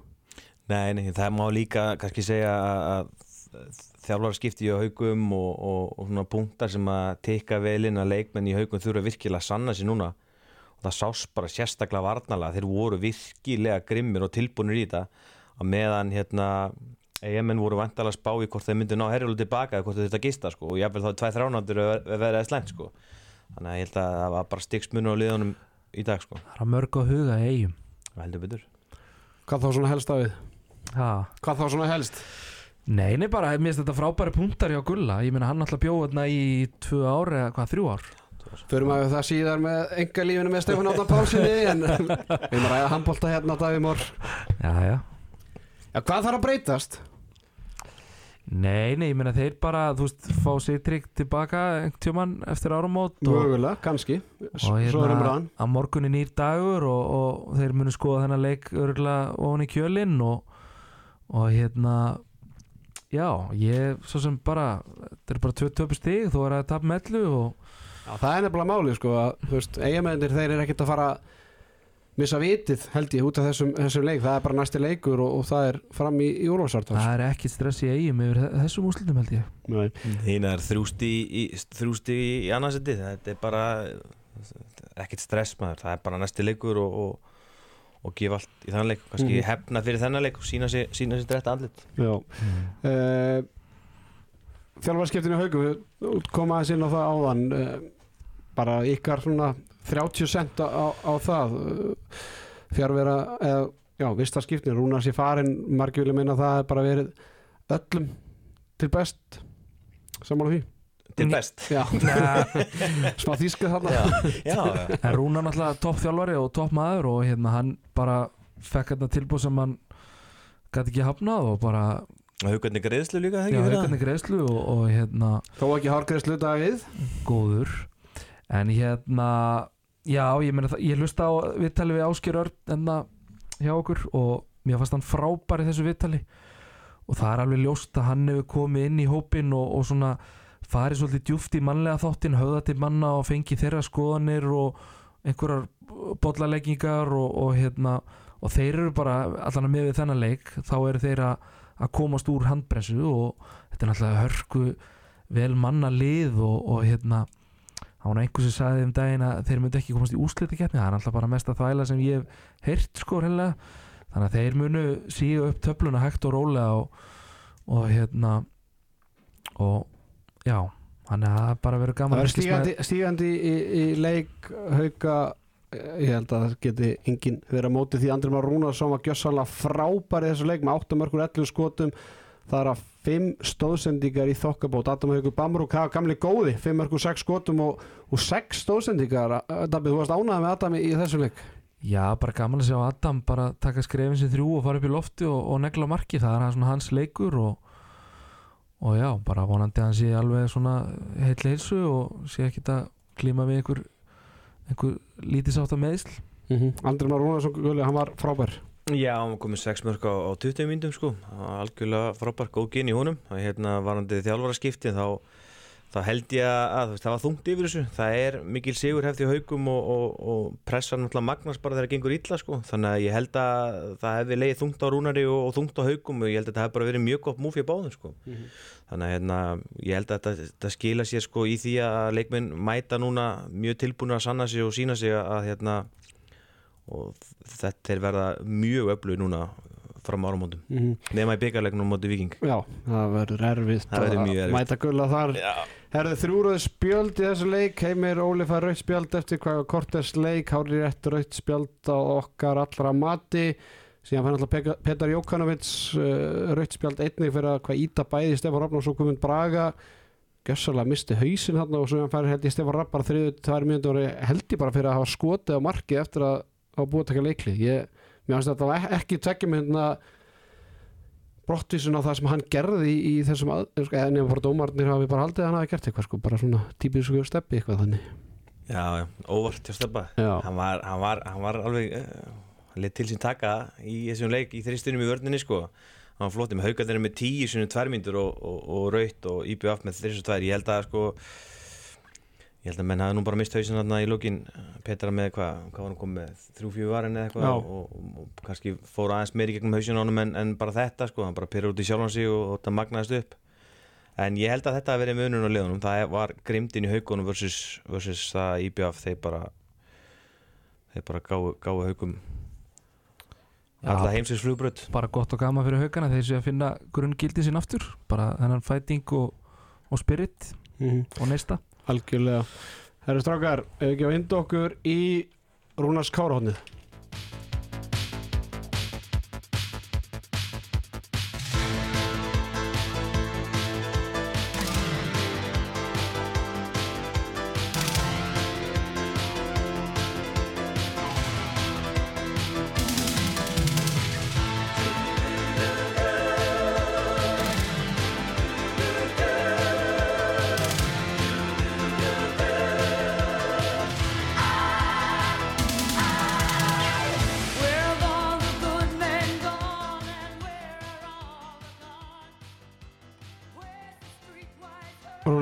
Kárásson eh, eins og ég sagði við talum með Björn Friðriksson á hann búin að vera gjössalega frábær eh, hann endaði með eh, 6 mörg úr 13 skotu fjóra tafa bolta kannski ekki hans besti leikur en Sákar, það eru svona smá vangaveltur en það hvort að Rúnar Kárásson yfirgefi IBF á loknum tímabili. Björn Friðriksson harneitaði í, ég veit að Rúnar Kárásson það er brjálega að gera honum, hann er að gera upp hús á illega göttunni þannig að og, en það getur orðið breytingar þar af þannig að ég veldur nú bara að kasta þessu upp í, í hérna kosmosin bjóða handbóltafólki að vera að smiði umræðinu en, en þetta getur orðið erfitt fyrir IBF að fylla þetta skar ef, að- ef satt reynist. Þú það segja mér fréttir ég, Já, hérna, ég- það væri áhugast að vita þá hvert hann færi ef hann er að fara á land. Það framsí ekki fyrsti áfangastæður sem að uppbyldisfélagi uppbyldisfélagi sko ég hérna og hvað, er, er bara búin að fá nóg í eigum eða? Já, það verður bara tímina leiði ljós. Ætli, ég er kannski með ykkur ítalegri greiningu á þessu í næsta Rúnas Kára hotni maður getur ekki gefið allt upp á, bara í, í einu sko, þetta er svona eins og framhansþættið en sko. ég var nú búin að heyra að hún liði mjög vel í eigum og hann alltaf eins og segir að gera upp þetta hús og Það spurði hvort það í- mæti í, í engarlíðum með Stefán Átna og fara aðeins yfir það hvernig hún hefur liðið í eigum já, og ég meina, svo náttúrulega Já, svo kannski engin, engin, hver veit nema Sindri Sindra mæti í heimsókn og fari yfir svona fyrir eftirmyndir og illagötunni ha, ég, ég hef engin trú á öðru en að að Rúna Kárasson sé að afar handlægin fá jafnvel þetta Sigurbjörns og, og hérna Sigurbjörn Sveinsson aðeins til að hjálpa sér en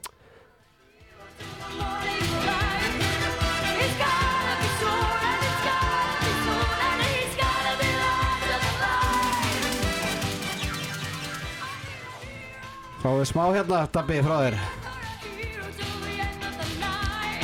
Nei, sko Nei, ég ætla nú ekki að taka undir með þessu lagi. Tökum gaupana eftir, Ef ég ekki myndi heita Theodor Ingi Pálmarsson, þá myndi potið taka Já, undir. sennilega Herðu, við erum búin að gera upp alla fjóra leikina Þetta er að verða einn sá lengsti Þetta er lengsti þáttur handkastins frá upphafi miða við leikjafjölda en það er bara gott, við getum hlusta á þetta í 3, 4 eða 5 pörtum, ég efast um einhver hafi slökk, slökkt á græðunum en það eðal efni í eirónum já, eða bara í viðtækjónum Býðið spennt, Davíð Már Kristjánsson, hann á eftir að taka gaupa eftir hermi í lok þáttar. Strákar á mánundaginn, þá heldur umferðin áfram.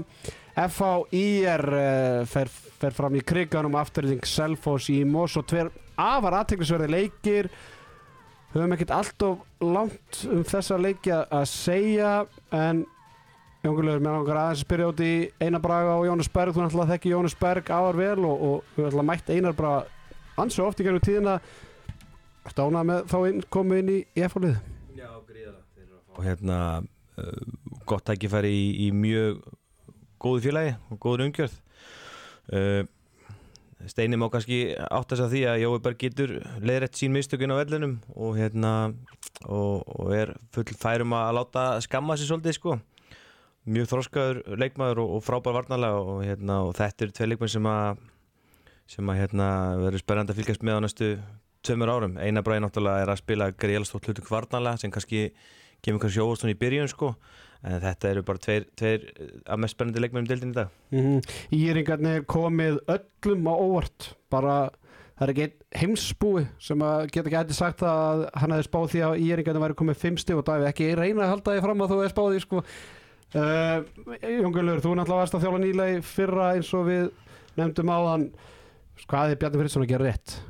Ég held að Bjarni sé bara að, í Er, er hann að vinna leikin eins og krakkandi segja? Nei, þetta er bara pocket mode skilur mig, það er bara sett í fymta gýr og verðt á full allan tíman Engi pressa á þeim náttúrulega? Nei, nei, bara, þú veist, það er, þú veist, þeir eru að tapa þeim leikin sem þeir eru ekki í, í stigum mjög stórt, sko.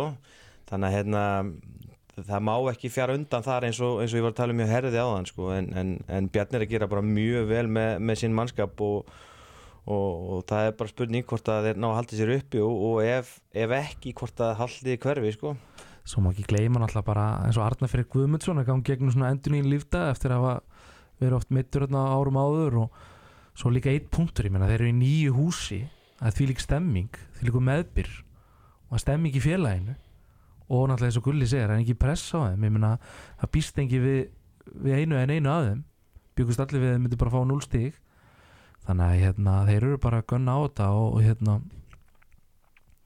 alveg uh, ekkert stress í, í, í þeirra herbúðum. Þeir Ekkert bara- stress þar.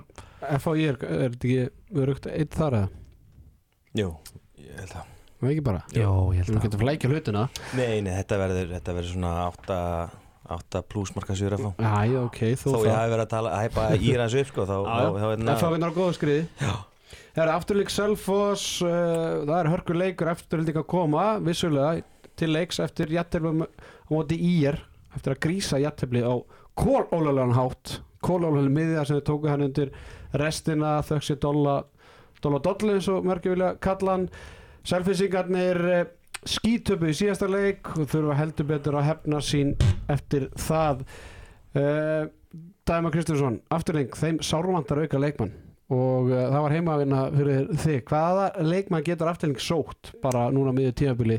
Þeir eru bara með blæ og þeir eru bara með þóstin leo að réttundum leikmann Já, það er svo sem ekki um auðan garða gresja í þeim efnum en, en hérna Gulli vil, vil fá Hamsa aftur til landsins? Sko, klárlega, Hamsa, sko, hann heyrir í mér, hann Hamsa, sko. Hann, hann sendi mér um daginn, vildi fá vikingsbúning og, hérna, og, og fyrir þetta tímpur þá var hann búinn að bjóða mér hérna, samning í, í hérna, í hérna, einhvers þar í Arabíu, sko. Já, var með einhver rosa góða tengingar þú ert að leina þangað? Nei, reyndar ekki.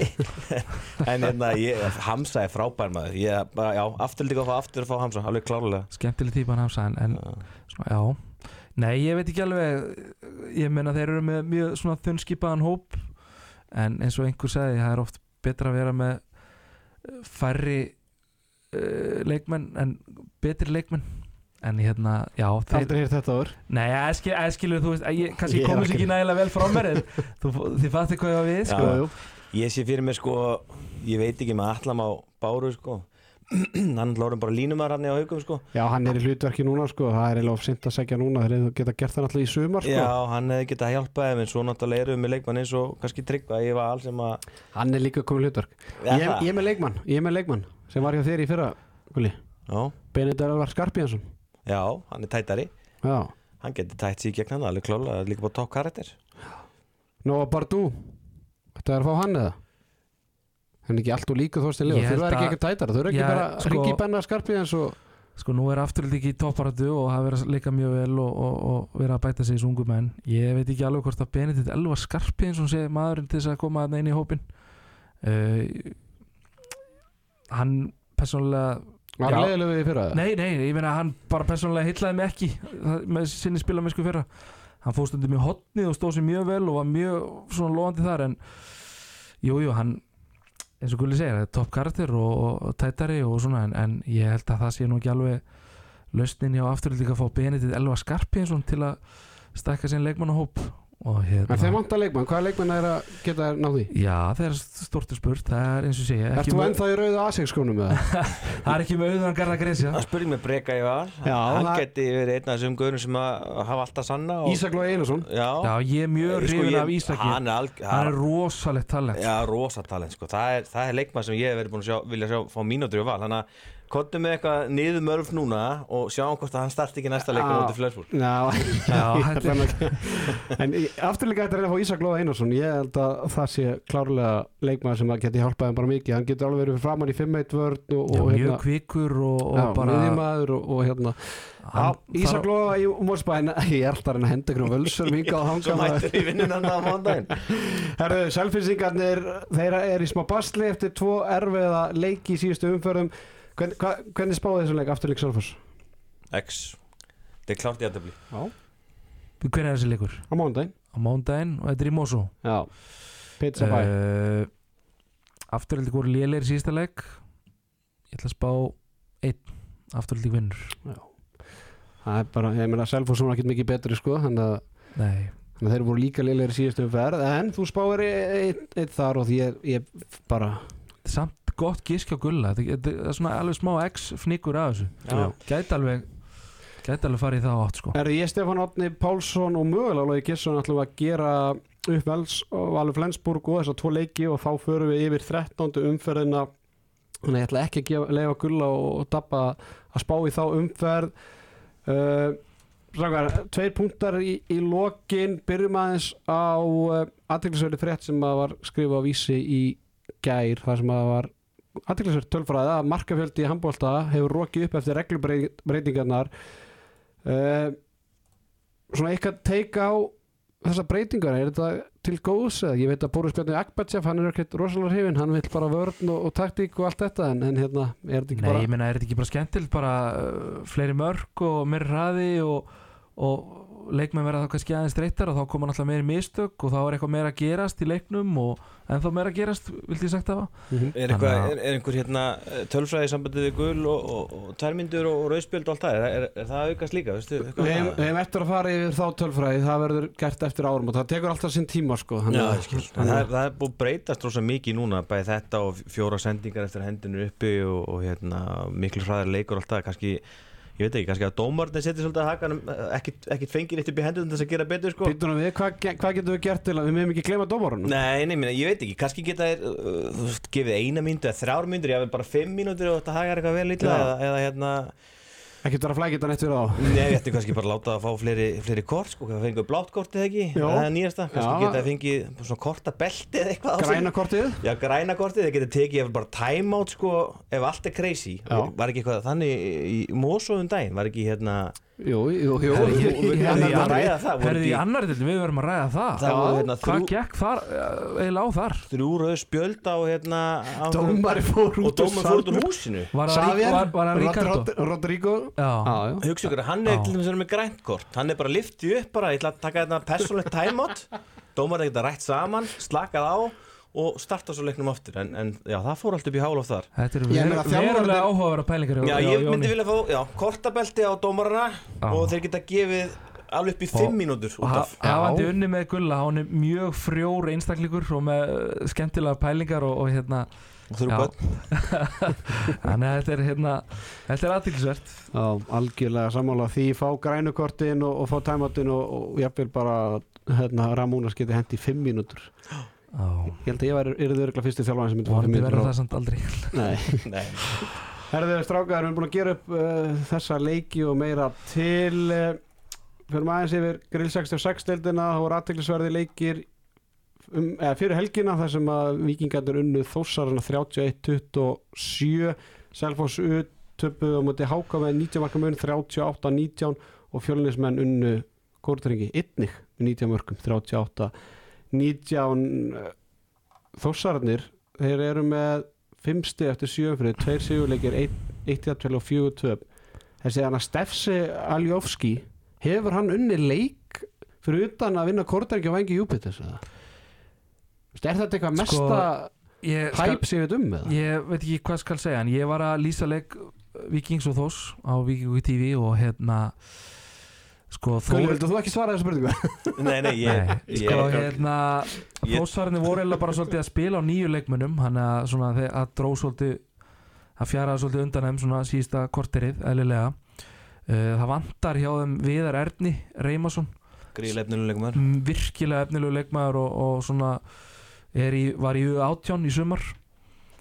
Og hérna já, þú veist, ég meina Aron Holm, Ungur hérna, Jón Ólafur, þú veist þeir eru aðeins að bæta sig og þeir eru bara að reyna að gera sitt besta. Síðan hérna, þessi færiski hotnamaður hann er segur Jósip Vekic hann setti nokkur, hann á að skjóta meira en, en virkilega flottu sigur hjá, hjá Viking á móti, móti Þór og gaman að sjá hérna ungan línumann hjá okkur í Viking Halldór Inga Óskarsson Æming Hóp 21 hann setti sjö úr sjö skotum og hérna já, bara góð sigur í Viking og áttum þetta bara alltaf skilið. Ég er aðeins að flétta yfir tölfræðina hjá Stefse afsækja hlustendur og Víking Svarpi á komið hérna í, loftið en, en hérna þósarði vinna fjölni í fyrra í 17. umferð 23-21 þeir gera jættelmóti í ír 36-36 og svo vinna þeir hörð einu svona einu marki. Það er svona einu klöts leikið þeirra móti ykkur um almennu lögum ég meina þeir tapa móti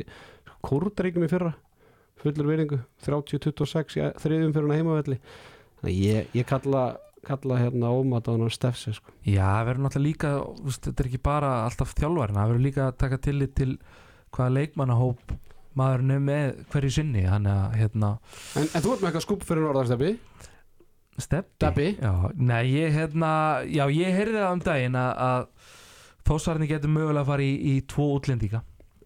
Í viðbót, þeir eru með hvað? þeir eru með þrjá. Já Þannig að, Örfenda skiptu, hérna- örfendan hotnamann og, og línumann Já, þannig að það verður hérna áhvert að sjá hvað kemur út úr því og hvort það sé eitthvað til, eitthvað til í því, þeim gróu sögum mm -hmm.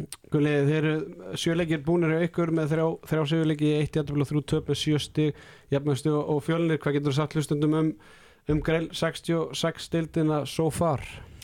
Ég verðum að sjá fjölmarga leikmenn, unga leikmenn sem er að spila leiki hlutverki í orðstendinni sem eru líka að spila leiki hlutverki og eru að bera upp í liðin í auðlegunum í, í, í grillinu og, og, Sérstaklega í framöðu Já, frammu og káau líka hérna, og að mínu mati þá eru uliðin í grillinu bara gríðarlega flott.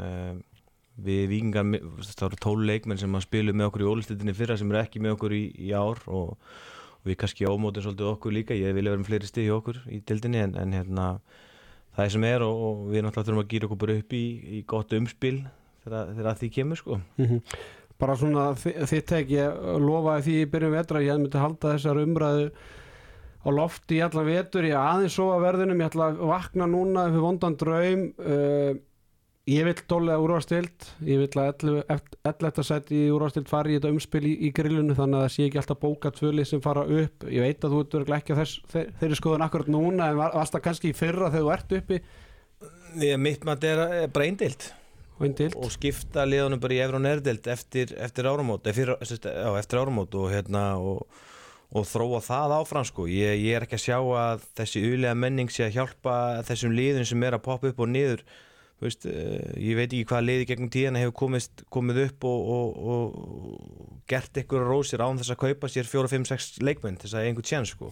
gróttan aðeins tíu leikmenn á sínum Já, nákvæmlega gróta tíu og í er sko fengur sér tvisasunum í röð hérna, heilt nýtt byrjanlið og, og hérna þannig ég, ég er á því að ég myndi vilja fá eina deild 16 lið kannski eða, eða 80 lið eða hvernig sem það er og hérna og, og svo myndum við bara skipta deildinu upp eftir áramót og ég held að þetta er miklu miklu skemmtilega dæmi. Mm en, en hvað er að gera þá við liðins, eða bara þessu uliðs?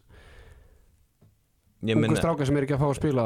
Já, við, við værum bara með þá aðra deild sem að hérna, það er það bara uliðs deild? Já, auðvist deild eða stofna, starta öðru flokknum aftur eða eitthvað slíkt en, en þessi leikmenn myndu fara náttúrulega í þessi þá kannski lið sem væru að berjast um um að komast á upp í, í efri hlutan eða eitthvað slíkt og, og ég held að það sé öllum til En er þetta ekki basically nákvæmlega sama og núna ætlum ég að vera svolítið leðilur það var vikingarnir sem vildu tónlega deild á sínu tíma skilur mig og núna er, er það ekki nóg og þá vil ég fara í 16 lega deild Nei, hvenær var þetta? 2005 eða? Já, já, þetta var þegar vikingarnir voru alltaf að poppa upp, um, upp og niður í tíu lega deild Já, það er bara langt síðan sko. En ég er að segja, en, en skilur mig En ég meina svar, skilur mig þú veist, Ekki skilja mig einan eftir hérna Það voru viking ekki komnir í félagi nei, þetta er ekkert að bynda á ykkur skilur Nei, mig, nei. en það voru, svona, það voru vikingarnir sem vildu tónlega deild og þá ætluðu þeir að gera rosalega hluti skilur mig og ég man ekki hvort þetta var þegar Gústi Jóa með liðið eða, hvað en, en ég meina núna komið tónlega deild þú veist, al, er, viljum við alveg eina deild og ekkert leikið fallið og Ég, þú fellir náttúrulega basically í, í neðrhlutanum í, og kannski engin, engin gældu spila 15 leiki og fara svo að skipta Já, hvernig við, við getum, það er það rökra þetta fram og tilbaka hvernig fyrirkomlega væri sko, en, en uh, það eru bara miklu fyrir leiki sem skipta máli og efsta liði kannski nærlutunum geti komist annarkort í umspil eða beint inn í einhver úslutakefni skilur og hérna um, ég, ég skilði ekki, viltu einal deild með 16 liðum já, ég myndi, eða 16 eða 18 liða fyrir eftir, Já, já, eftir já. hvað fjöldin væri skilur mig, Já. já, eina, eina deild og svo eftir ára á móti eða eftir, í janúar eitthvað myndu við skiptus í öðru næri deild og það er spiluð önnarkort einföld eða tvöföld umferð og svo út, úslutakefni til það Vá, ok, ok en, en þú veist, það var ekkert sem fellur eða skilur þú bara ert þá bara í neðri hlutunum eftir ármót já, svo algjörlega. ertu bara undirbúið fyrir næsta tíðanbíl eftir ármót Já. eða veist, eftir sumarið, ok ok, ég bara, þú veist, ég vil fjölga fyrir frekar liðum sko. Já, en ég minna kannski verður til þess að- að liðan svo víður og fleiri kannski væri þá að spila í annardildinni eða, eða þá fyrstu eða auðlega dildinni og, og gætu mögulega þá farið í einhvers konar umspil við neðsta liðið í, í neðri hluta dildarinn eitthvað slíkt. En þetta er náttúrulega bara ekki hugmynd sem ég er búin að þróa skilu það, Nei, ég er að tala um þetta hérna en, en persónulega myndi ég vilja sjá þetta svona. Allan að, allan að hugsa hvort að þetta geti möguleg, verið möguleiki heldur en að að fækka í, í ólís en, en ég kom með hugmynd að halda bara tóliðan sko, en bara það ellet að mér finnst ómikið stökk að, að tvölið falli skilum mig, þú veist, það er svo rosalega erfitt þú meina þér lendi ég bara núna, þú veist, þér er bara byggja upp nýtt lið. Já, já. Samt fóstu upp og með það í huga að þú ætlaðir ekki að gera það og, og ætlaðir að halda saman liðinu. Já, já, byggja og taka, taka þetta skrif upp já, já, núna, alveg leikmenn sko. Já, já, ég menna þetta er náttúrulega gríðileg blóttaka fyrir okkur og er yfirlt fyrir liðin sem falla niður og, og það, er, er mikill munur á, á grillinu og ólistildinni ég hugsa að hákáingarnir fara líklega beintu upp, þeir eru mistu eitt leikmann á milli, milli tímabila og eru bara að standa sér gríðilega vel. Og þá eru við og fjölnir og, og Þór og, og Kortryggi sem værum líklega að fara þá í umspilið og eitt af þessum liðin færi upp og, og það er alveg ljóst að öll þessi lið þetta styrkja sér gríðilega til að segja möguleika. Og það kostar peninga, skilur og hvað svo, skilur þannig að hérna, já, þetta er bara mjög valið umræða hvort að næst næsta lið í, Ólís færi það bara í umspil fyrir að falla sko. Já, ég meina, ef liðin í grillinu er betri allar þetta setja þá bara er þeir nægilega góð til að vera rúlstildir en við erum svona full mikið, þú veist, það er svo erfitt fyrir þessi lið sem er að falla að byggja upp það var frekar að rembast við að ná allar setinu þú veist, halda þér uppi, þú veist, þá getur byggt ofan á það, það er rosalega erfitt að byggja ofan á það að vera nýlið í, í úlistildinu Já, sko. eða hafa eina deilt og þá þarfst ekki að ágæða þess og hefur nokkuð smá sviðrum til þess að byggja upp og þarfst ekki að pæla í þessum auðliðum og þá er ekki verið að taka leikmann af þér til þess að láta á að spila algjört varahluturk í, í Ólís og, og spila sem auðliðun eða skilur Já, það er það er vest að við um ekki hérna, meira inn á minniskortinu til að taka þessu umræðin en Þetta er allt saman áhugaðara pælingar bæði frá þér Arnandæði og Gulli og það er bara gaman að hlusta, Já, hlusta á þetta. Takk fyrir þetta input Dæmur Kristjánsson, Jón Gunni Viggosson eh, takk hérlega fyrir komin að báði tveir eins og ég segi, maður leikir á mánudag og það verður uppgjörstáttur á miðvudaginn þar sem við ætlum að fara einni yfir Stórleik Vals og Flensburgar eh, á þriðjudaginn. Strákar, takk hérlega fyrir komuna. Já, takk sem leis Já, bara takk hérlega endum þetta að sjálfsögða á Bruno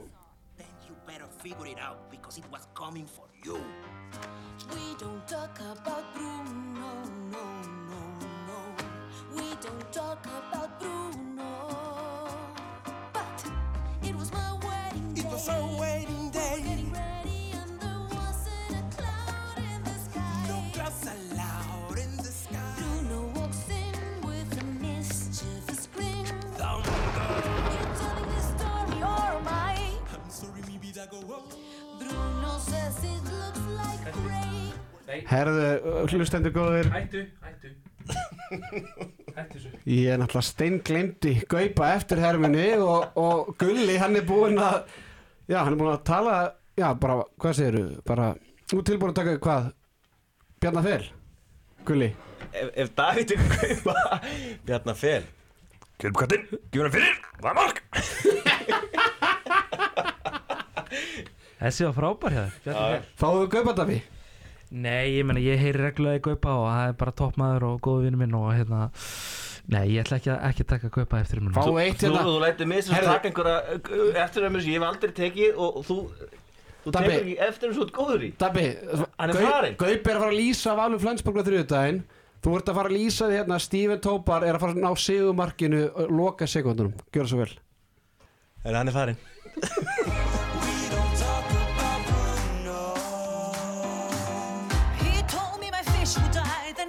Bruno.